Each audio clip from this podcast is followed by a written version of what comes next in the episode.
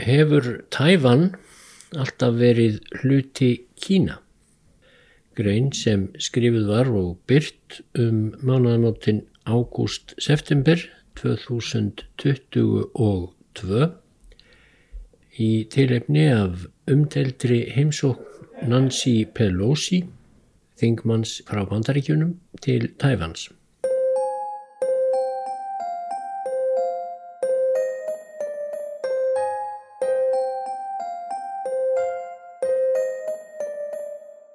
Heimsókn Nancy Pelosi til Tævans á dögunum olli gríðarlegri gremju kynverja og hafa Tævanir ekki byttið úr náleginni með það. Kynverjar hóta öllu íllu en það hafi heimsóknin falið í sér ótilhlýðilega viðurkenningu bandaríkjastjórnar á Tævan sem sjálfstæðu ríki en sannleikurinn sé hins vegar sá að Tævan sé og hafi alltaf verið hluti Kína. En alveg burt séð frá pólitískum eh, spurningum málsins, er það þá rétt? Hefur Tæfan alltaf verið hlut í Kína?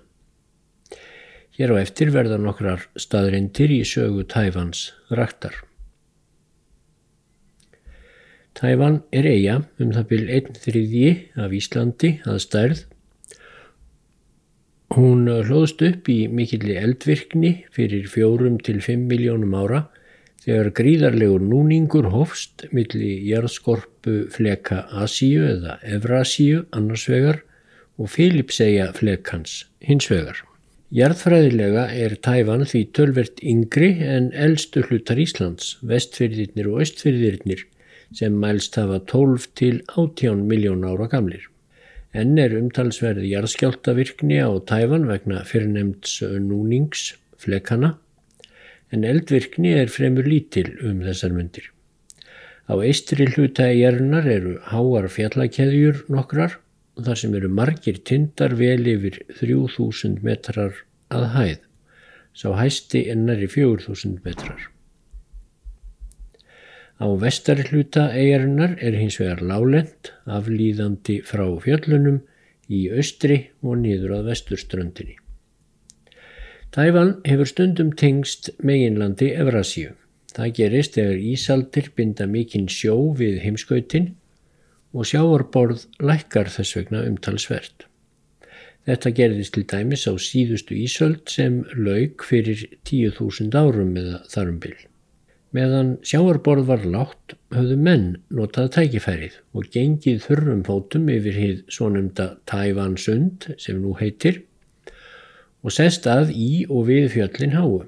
Þegar Ísaldarjöklarnir bráðnuðu og sjórin snýri aftur satt fólkið eftir á Tævan. Núna eru 180 km millir meginlands Evrasi og Tævans Það er örlítið stittri vegarlengd en milli bandaríkjan og kúpu, svo dæmi sér tekið, en á hinbógin umtalsvert lengra heldur en milli Danmerkur og Noregs yfir Skagerrak.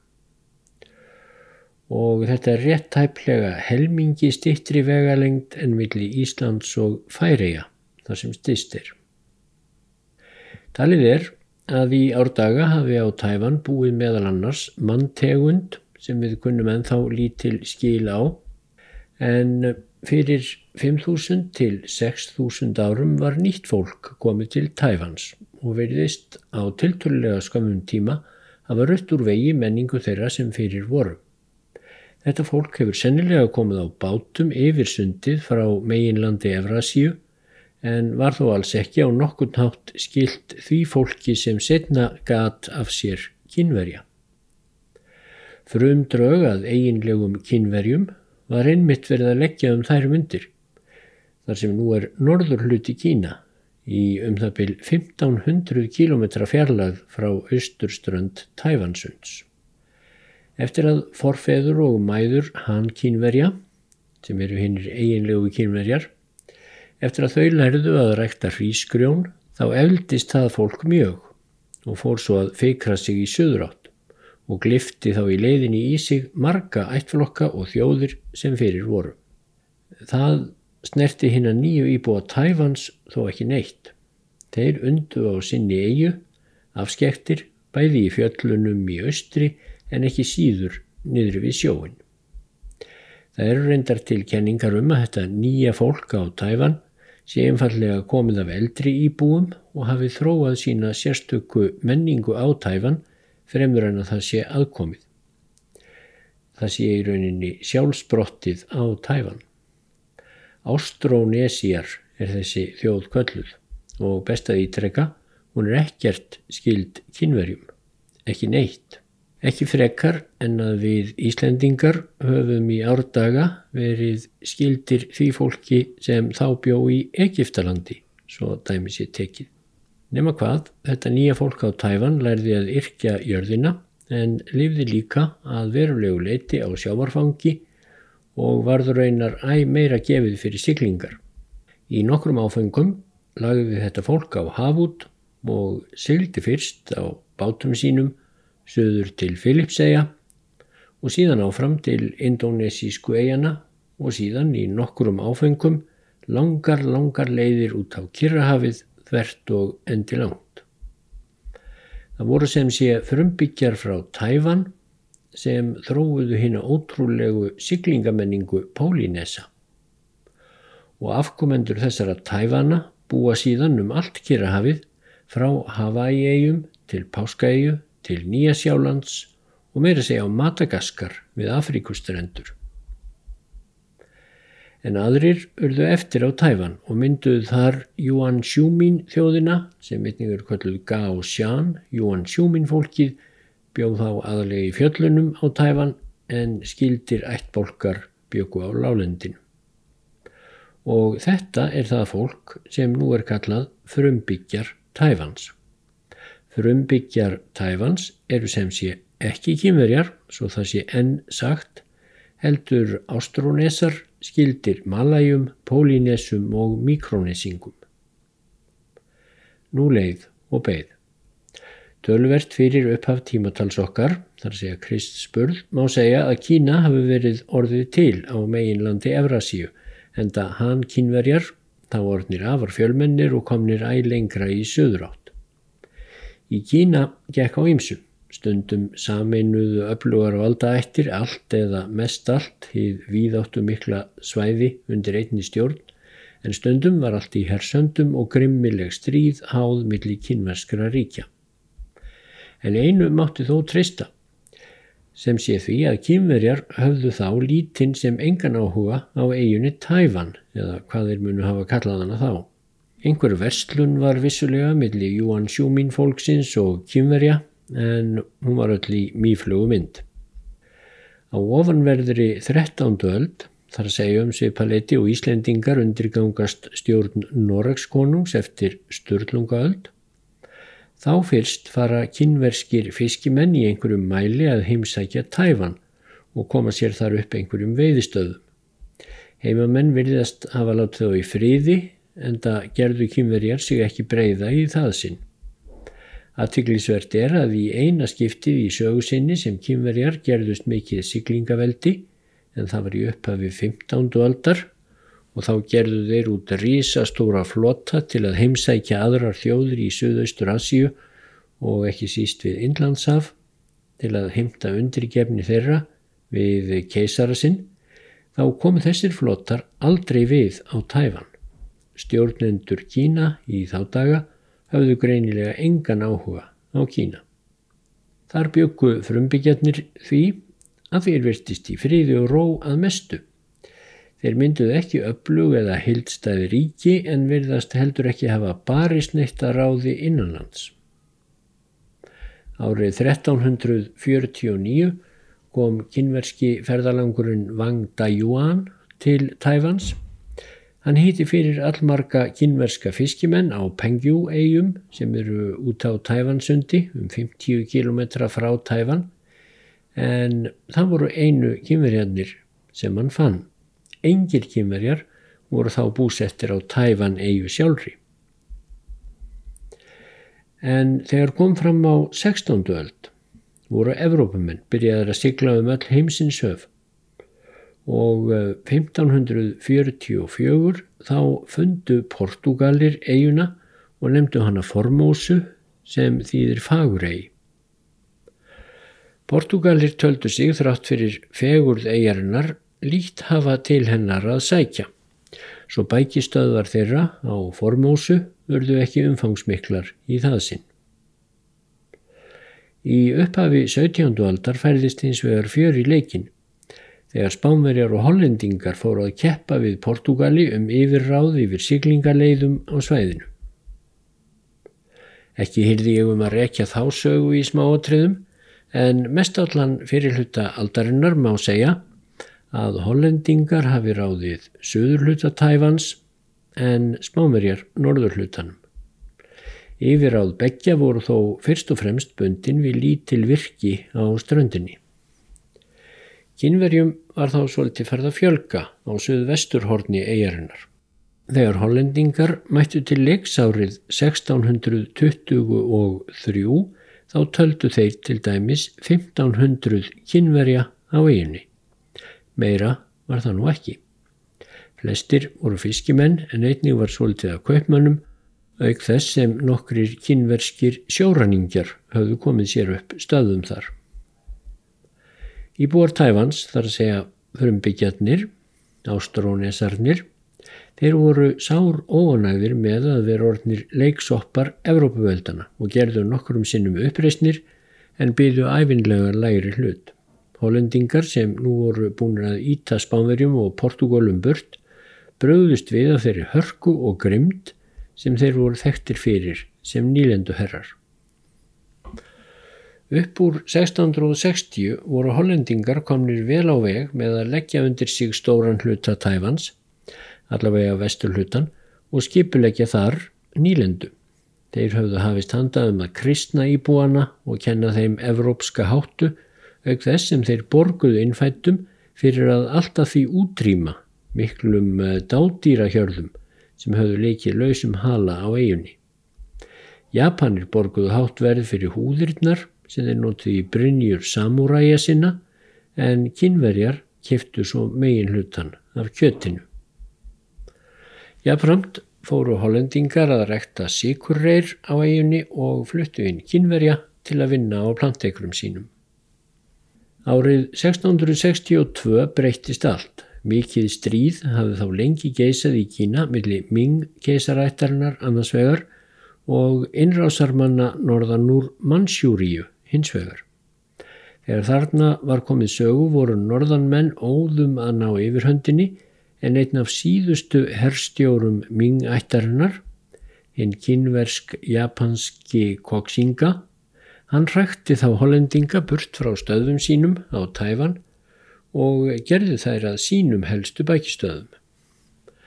Þaðan vonaðist Koksinga til að skipulegja gagnsókn Ming-manna yfir sundið og endurheimta Kína. En ekki varð af því, Koksinga dó aðeins skömmu eftir að hafa sigrast á hollendingum og þótt sonur hans tæki við keflinu þá fekk sástrákur ekki reist rönd við framgangi mannsjúriu mannana að norðan.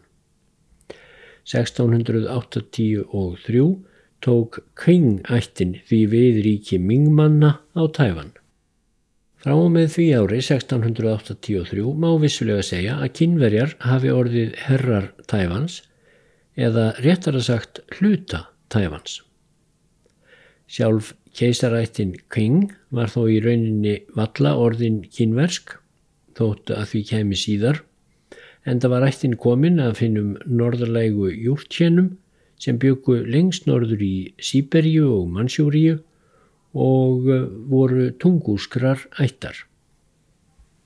En sem komið var réðu kynverjar aðeins suð vestur hluta Tæfans en frumbyggjar fóru sínu fram á stærstum hluta eigarinnar.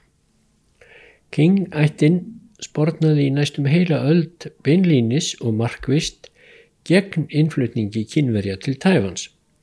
En það höfðu kynverjar lítið álit á eiginu og kalluðu hana hreinlega hlið helvítis. Malaria lagði margað velli og innfættir tóku innrásarliði kynverja ílla og gerðu yðurlega uppreysnir gegn þeim, en kynverjar börðu allt slíkt niður af heift. Heili öld eftir hernám kynverja eða um 1770 þá réðu kynverjar enn aðeins vesturluta eirinnar. Þá tóku kínverjar hins vegar þá ákverðun að kínavæða tæfan, ef svo má segja, og lögðu til dæmis af allar hömlur á innflutningi fólks frá Kína. Ástæðan var ekki síst svo að kínverjar vildu treysta yfir á sín yfir hafsvæðinu um hverju segjuna en þá voru frakkar og brettar farnir að gera sig æmeira gildandi þar um slóðir. Árið 1811 töldust kynverjar vera heilar 2 miljónir á tæfan, þá þegar miklu mun fleiri en heimamenn frumbyggjarnir. Á ímsu gekk þá enn á eiginni og þar geysuðu nú til dæmis oft heftuðugir bardagar milli mismunandi hópa kynverja sem bitust um völd og áhrif. Frumbyggjar reyndu að halda sjálfstæði sínu lengi enn og uh, langt fram á 19. öld þá réðu kynverjar litlu sem engu á austurströndinni og í fjöllunum. Árið 1884 gerðu frakkar innrás á eiguna frá Indokína og hugðust leggja hana undir vaksandi heimsveldi sitt. En þeim var svarað af hörku af kynverjum og þó ekki síður af innfættum á tæfan, svo frakkar rökkluðust fljótlega burt. Er þetta eitt af fáum dæmum um þær myndir um mishefnaða innrás evrópsks nýlenduveldis á lendur í Afríku eða Asíu. Brettar íhuguðu líka nokkrum sinnum að leggja undir sig eiguna en töldu það að lokum ekki svara kostnaði. Vaksandi stórveldi Japans tók hins vegar að ásælast tæfan þegar leið á 19. öldina. Þegar Japanir höfðu gerð sig að kynverja í stríði þjóðana árið 1895 þá heimtuðu Japanir yfirráð yfir Tæfan og uh, fengu og réðu eiginni síðan í 50 ár. Atviklisvert er að þegar Japanir tóku við eiginni eftir fríðarsamninga við kynverja þá viðurkendi King-ættin að hún réði í raun og veru aðeins yfir 45% um landsvæðis á Tæfan. Frumbyggjarnir réðu sem sé fyrir aðeins 125 árum þá réðu þeir sem sé meiri hluta eigarinnar. Aðtöyu það, því sem nú jafnlið á tuggu kynverja um að tæfan hafi alltaf verið kynversk. Eh, þetta hvortveikja kemur fram ef menn vilja leita heimilda í bókettir fræðimannin Andrew Morris frá 2002. Kínverskir íbúar á Tæfan reyndu að stjórna sjálfstætt ríki á eiginu frekar en fallast á yfiráð Japana 1895 en þeir eruðu fljótt að lipast niður. En það fóru kínverskir herflokkar á vegum King stjórnarinnar um með ránum og röppli á allir eiginu og íbúum á Tæfan.